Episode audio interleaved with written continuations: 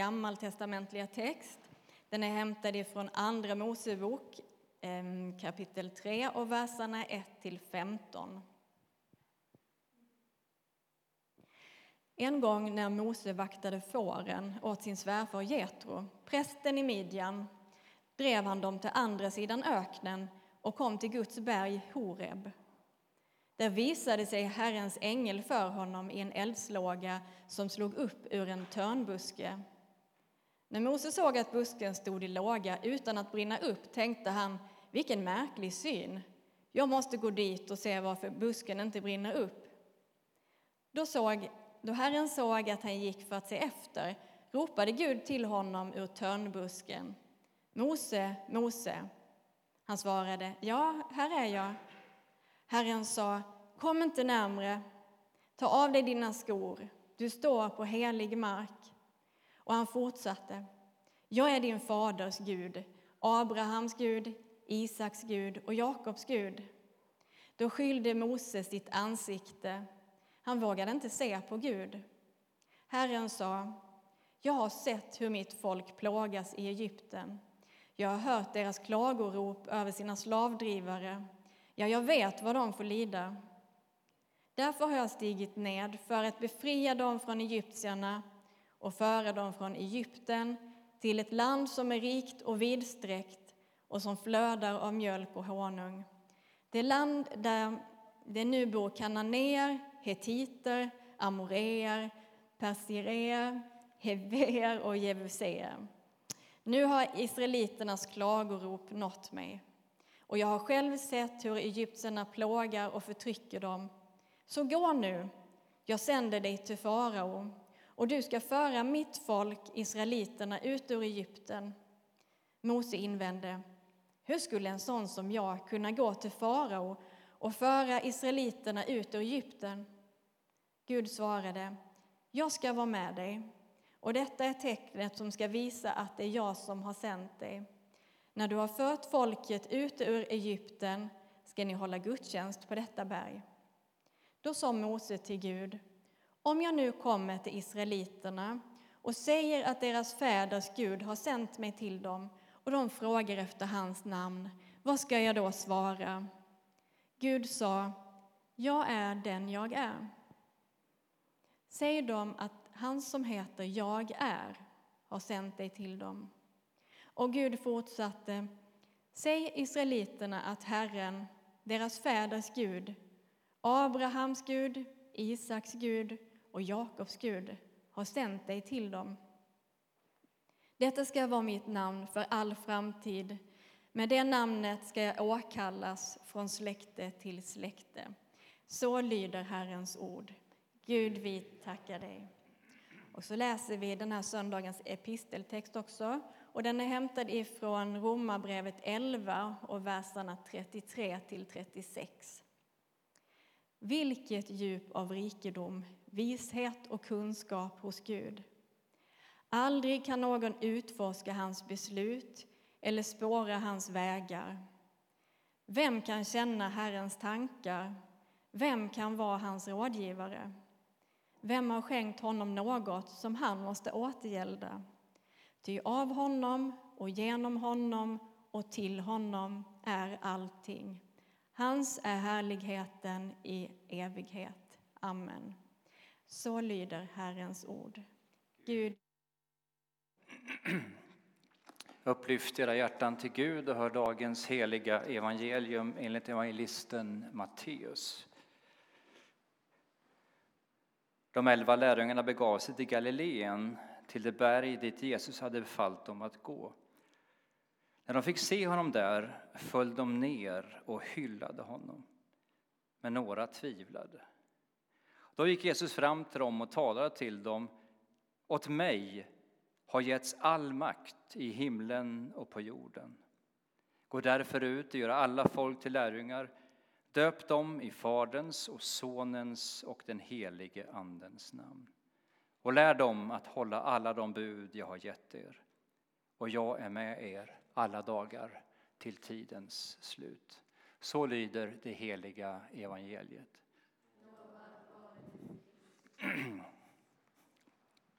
Heliga trefaldighetsdag, en av de sista stora festerna som vi har den här terminen. Vi följer kyrkåret i vår församling.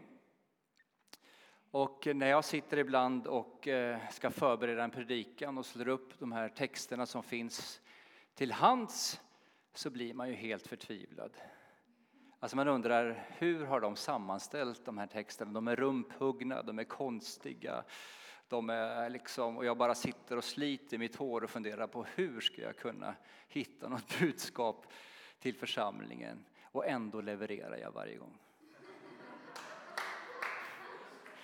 Jag har faktiskt skrivit i min utkast här, nu står församlingen upp och gör stående ovationer.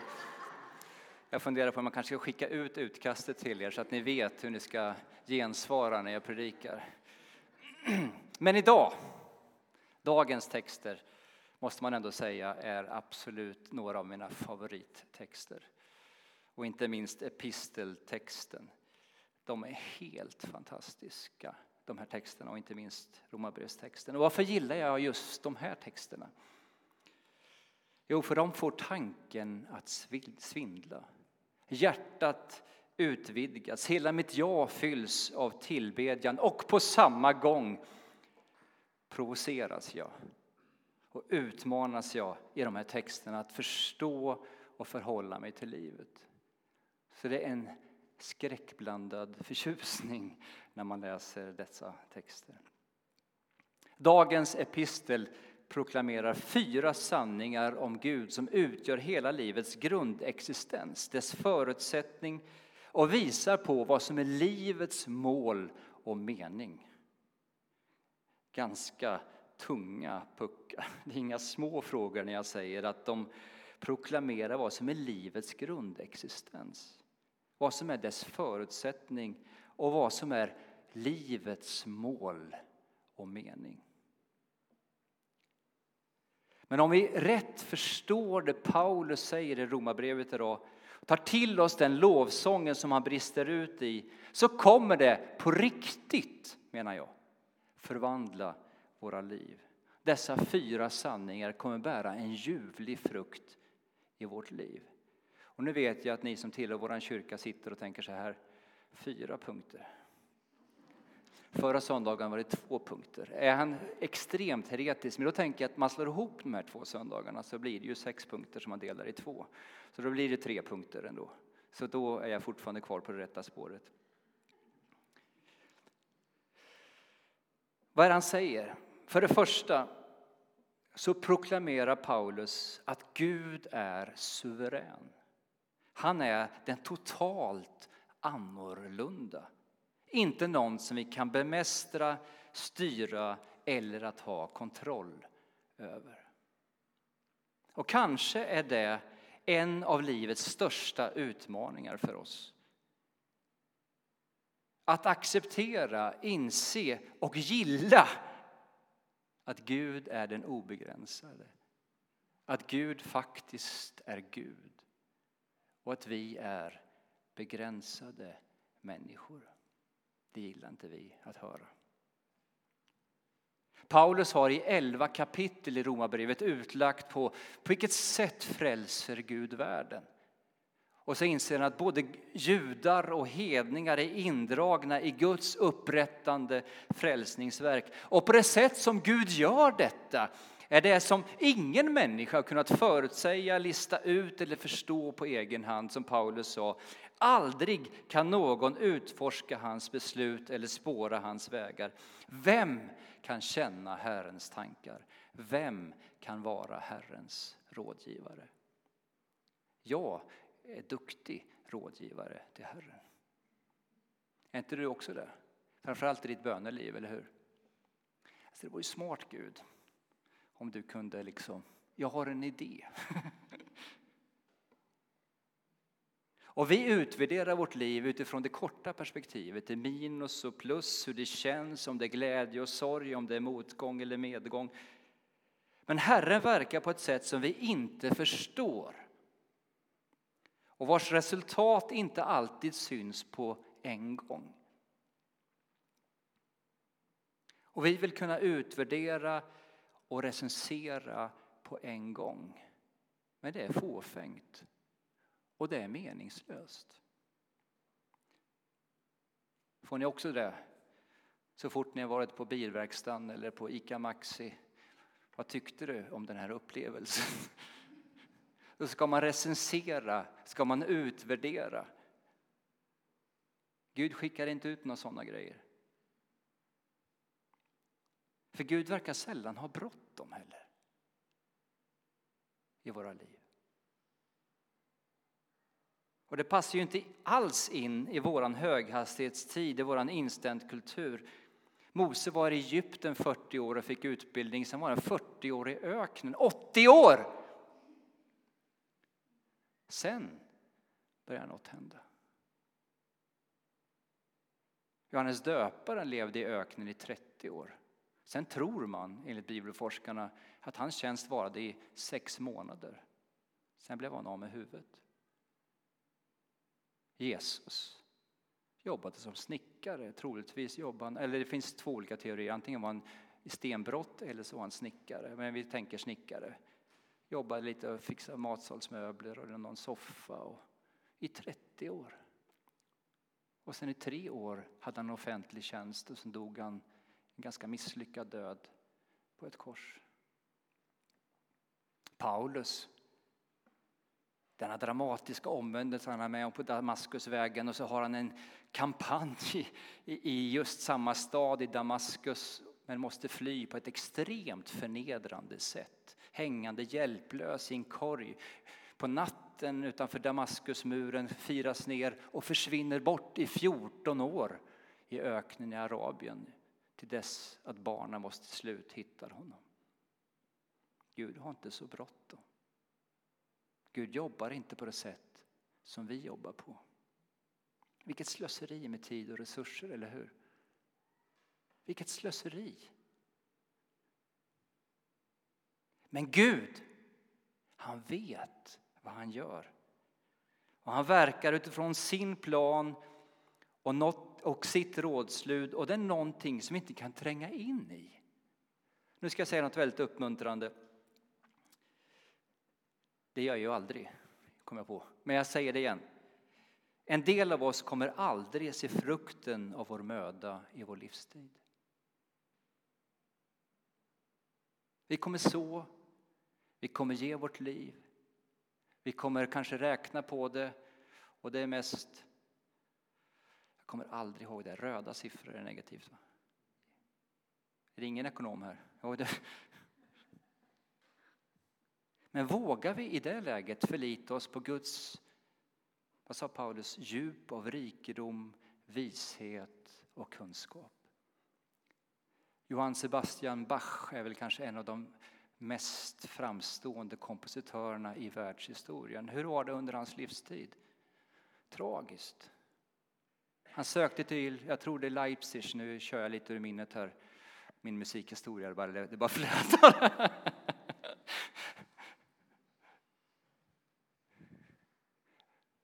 De ville egentligen haft en annan. Men sen sa ju styrelsen, vi får väl ta den här då. Och när han framförde sina verk så var det totalt kaos i kyrkan. Folk satt och pratade och det var en genväg från en, ena porten till den andra. Där kom bönderna med sina grisar och transporterade dem för det var mycket lättare än att gå runt. Där framförde han sitt verk. 80 år efter hans död slog han igenom.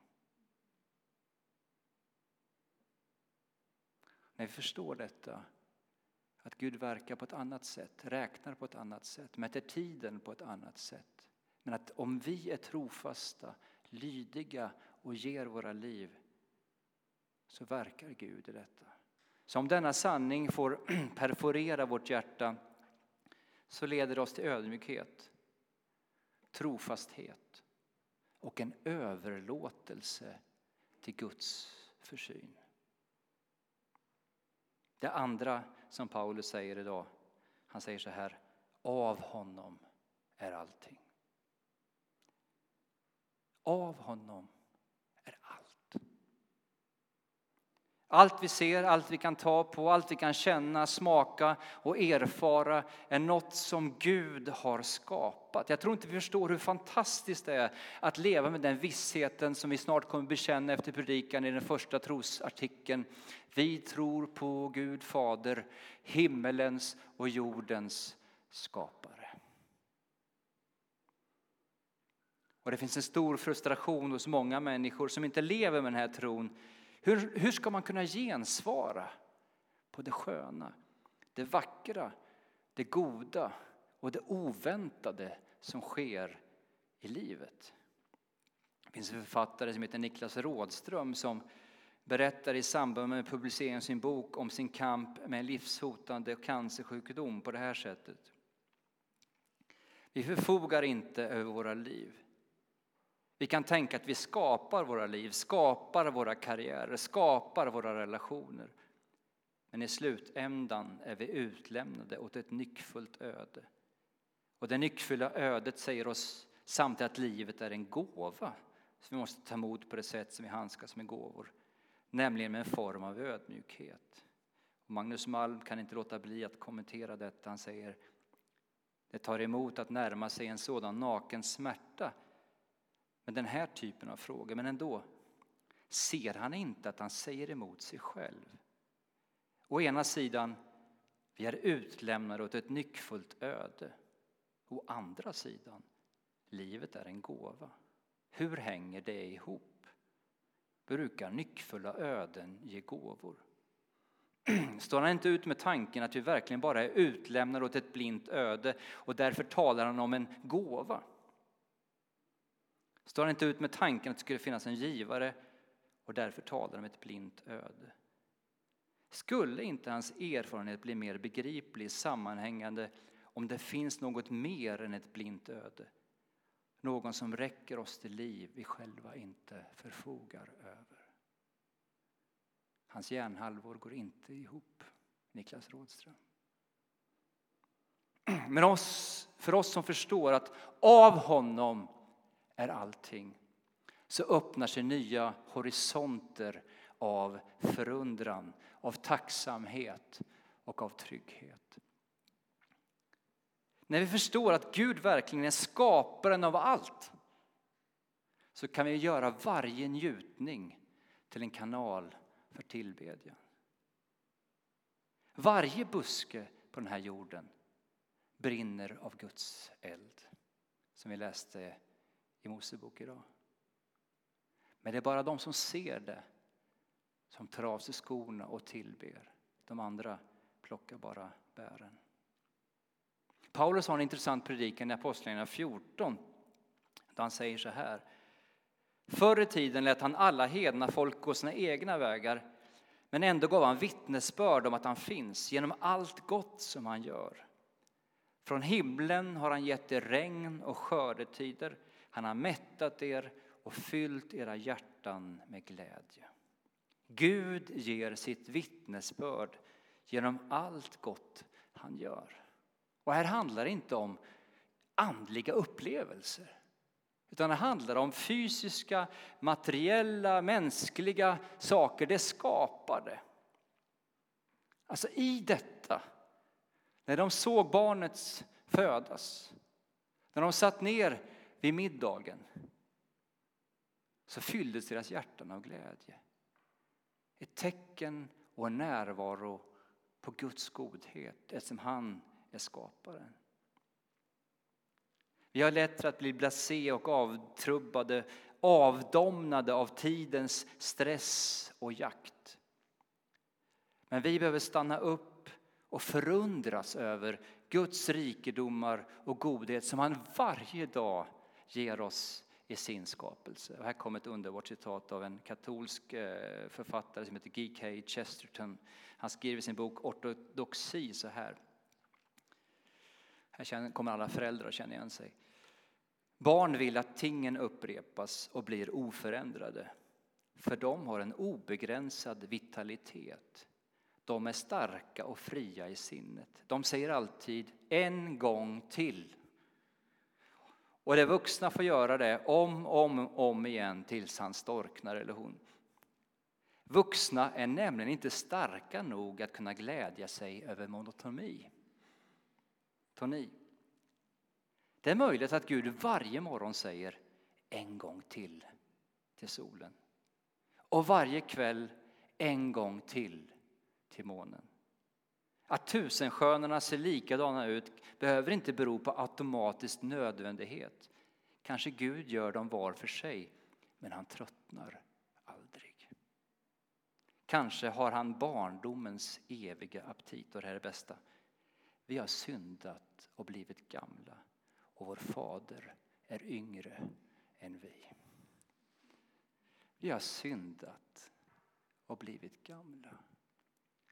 Vår fader är yngre än vi.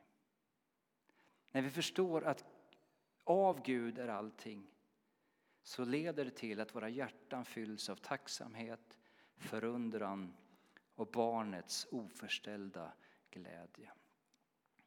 För det tredje, genom honom är allting. Denna punkt är dagens evangelium. Det sanna evangeliets effekt på människor, vad är det? Att människor får lättare att andas och att bördorna lyfts av från de egna axlarna. Jag älskar sommaren. Men det, ibland så finns det någonting som nästan övertrumfar sommaren och det är en klar höstdag. När man kommer ut och det är så här klart och man känner det är lätt att andas. Så är det att vara kristen. Att ta emot Jesus, att förstå evangeliet. Men det har vi lite problem med. Och det här framkommer väldigt tydligt i Johannes evangelium i kapitel 6. När de kommer ett gäng människor till Jesus och säger så här. De frågade då, vad ska vi göra för att utföra Guds verk? En ganska vanlig fråga. Vad krävs av oss? Vad ska vi göra? Vad behöver vi liksom investera? Och så säger Jesus, detta är Guds verk. Att ni ska tro på honom som han har sänt. Vad ska vi göra? Och Jesus säger, det här gör Gud. Det är inte något du gör, det är inte något du presterar, det är inte något du kämpar dig till, utan något Gud gör som du tar emot. Vi behöver bara tro. Men då finns det ett problem. Det är nämligen att tron kan ju bli en prestation. Jaha, det var ändå någonting i det finstilta i kontraktet som står här ska du investera. Vad är tro för någonting?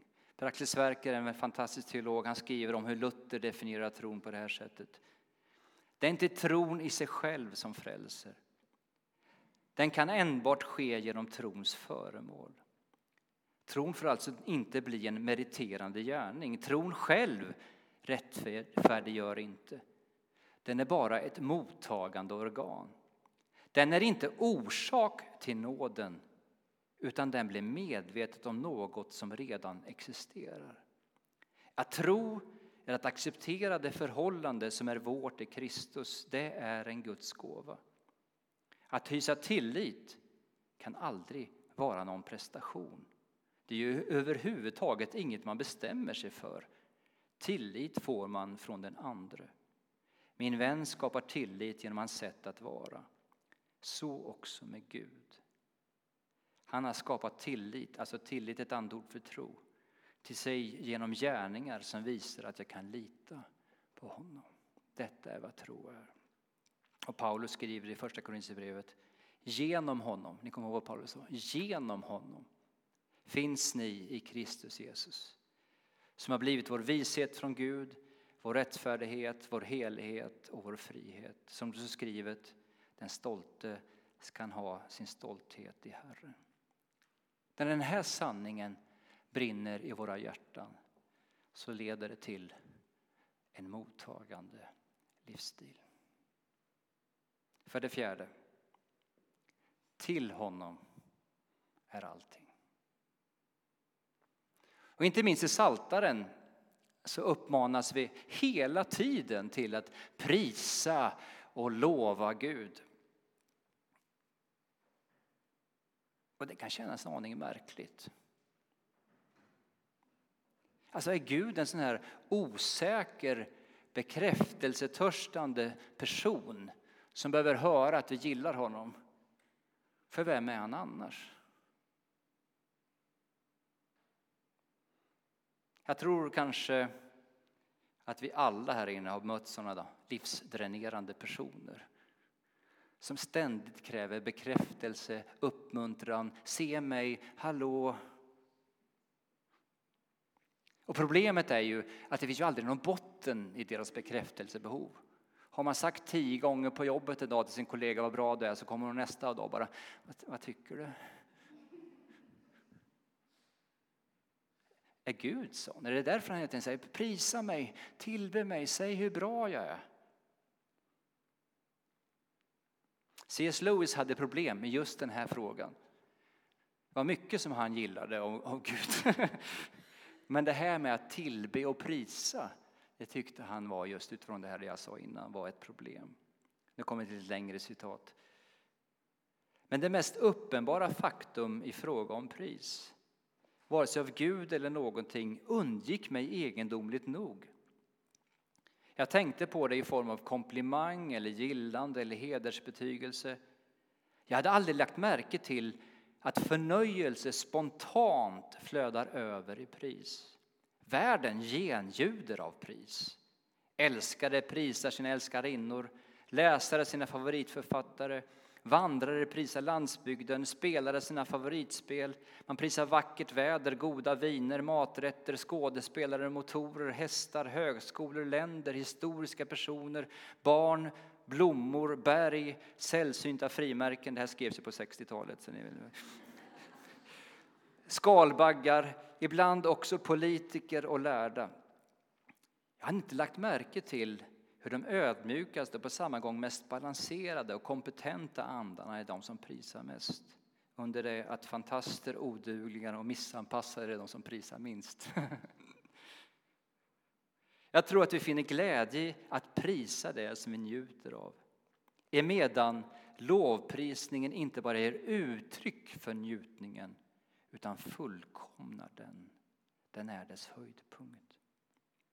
Om det vore möjligt för en skapad själ att helt, jag menar så helt som det är möjligt för en ändlig varelse, uppskatta, det vill säga älska och att glädjas åt det värdigaste av alla föremål och att på samma gång i varje ögonblick ge ett fullkomligt uttryck åt sin glädje, då skulle den själen vara fullkomligt salig. Alltså Gud inbjuder oss till tillbedjan, till lovprisning. Varför det? För att det är det högsta goda. Det finns ingen annanstans där människan blir sig själv och salig. Gud är det högsta goda. Gud är skönhetens fullhet, den rena kärleken, den salige Guden. Och när våra ögon öppnas och dras in i den treenige Guden så väcks våra hjärtan och vår själ fylls av sång. Detta är vårt livs mening och mål. Till sist. I dagens evangelietext så möter lärjungarna den uppståndne Jesus. En liten passus som jag kom på i stunden och då blir min fru orolig. Men eh, jag säger den ändå. Vad säger Jesus, eller änglarna vid graven till lärjungarna? Gå till Galileen. Vad säger han? Gå hem. Var finner du Gud någonstans? Hemma. Du behöver inte söka dig till något kloster i Frankrike, du behöver inte åka dit eller du behöver inte liksom söka. Det. Var finns Gud? Var möter du Gud? Där du är. Hemma. Och här står det att lärjungarna, när de kommer hem, möter den uppståndne. Det står att de faller ner och de tillber honom. Halleluja. Men det kommer alltid ett men. Men några tvivlade. Men hallå! Hur kan man tvivla när man har en uppståndne framför sina ögon? Kanske för att det krockar ju med hela deras världsbild. På allt vad de förstått vad livet är och vad livet går ut på. Allt bara kraschar i det mötet. Hur ska vi förstå? Hur ska vi orientera oss? Det här stämmer inte överens med allt jag har lärt mig, fostrats in i genom den svenska skolan, genom det politiska systemet, genom mina föräldrar, genom allt vad mediebruset säger till mig. Och jag tror kanske vi känner av den där kampen.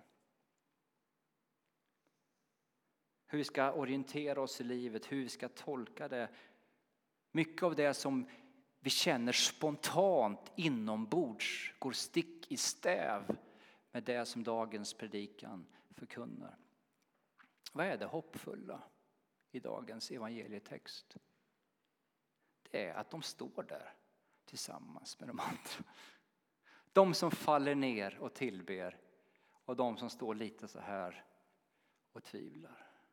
De är där tillsammans i församlingens gemenskap. Och lyssna, det får ta tid. Det får ta tid att börja leva utifrån den nya verkligheten. De får brottas med sina tvivel utan skam och samtidigt beröras av gemenskapen där Anden verkar med sin uppenbarelse. Och när vi närmar oss detta mysterium utifrån dessa fyra punkter som jag har upp, förkunnat idag så är det kanske andra organ än intellektet som ska sitta i förarsätet. Mitt sista citat kom från Peter Halldorf. Vi är skapade till att förenas med Gud, inte till att förklara Gud. Vänskapens väsen som är en enhet kan inte träs på en kulram. Den kan man bara erfara, läppja på, förundras över och förvandlas av. Dessa ord får med nödvändigheten karaktären av lovsång mer än utläggning. Det blir poesi mer än retorik, kärleksförklaring mer än avhandling. Ära vare Fadern och Sonen och den helige Ande, nu och alltid och i evigheters evighet. Amen.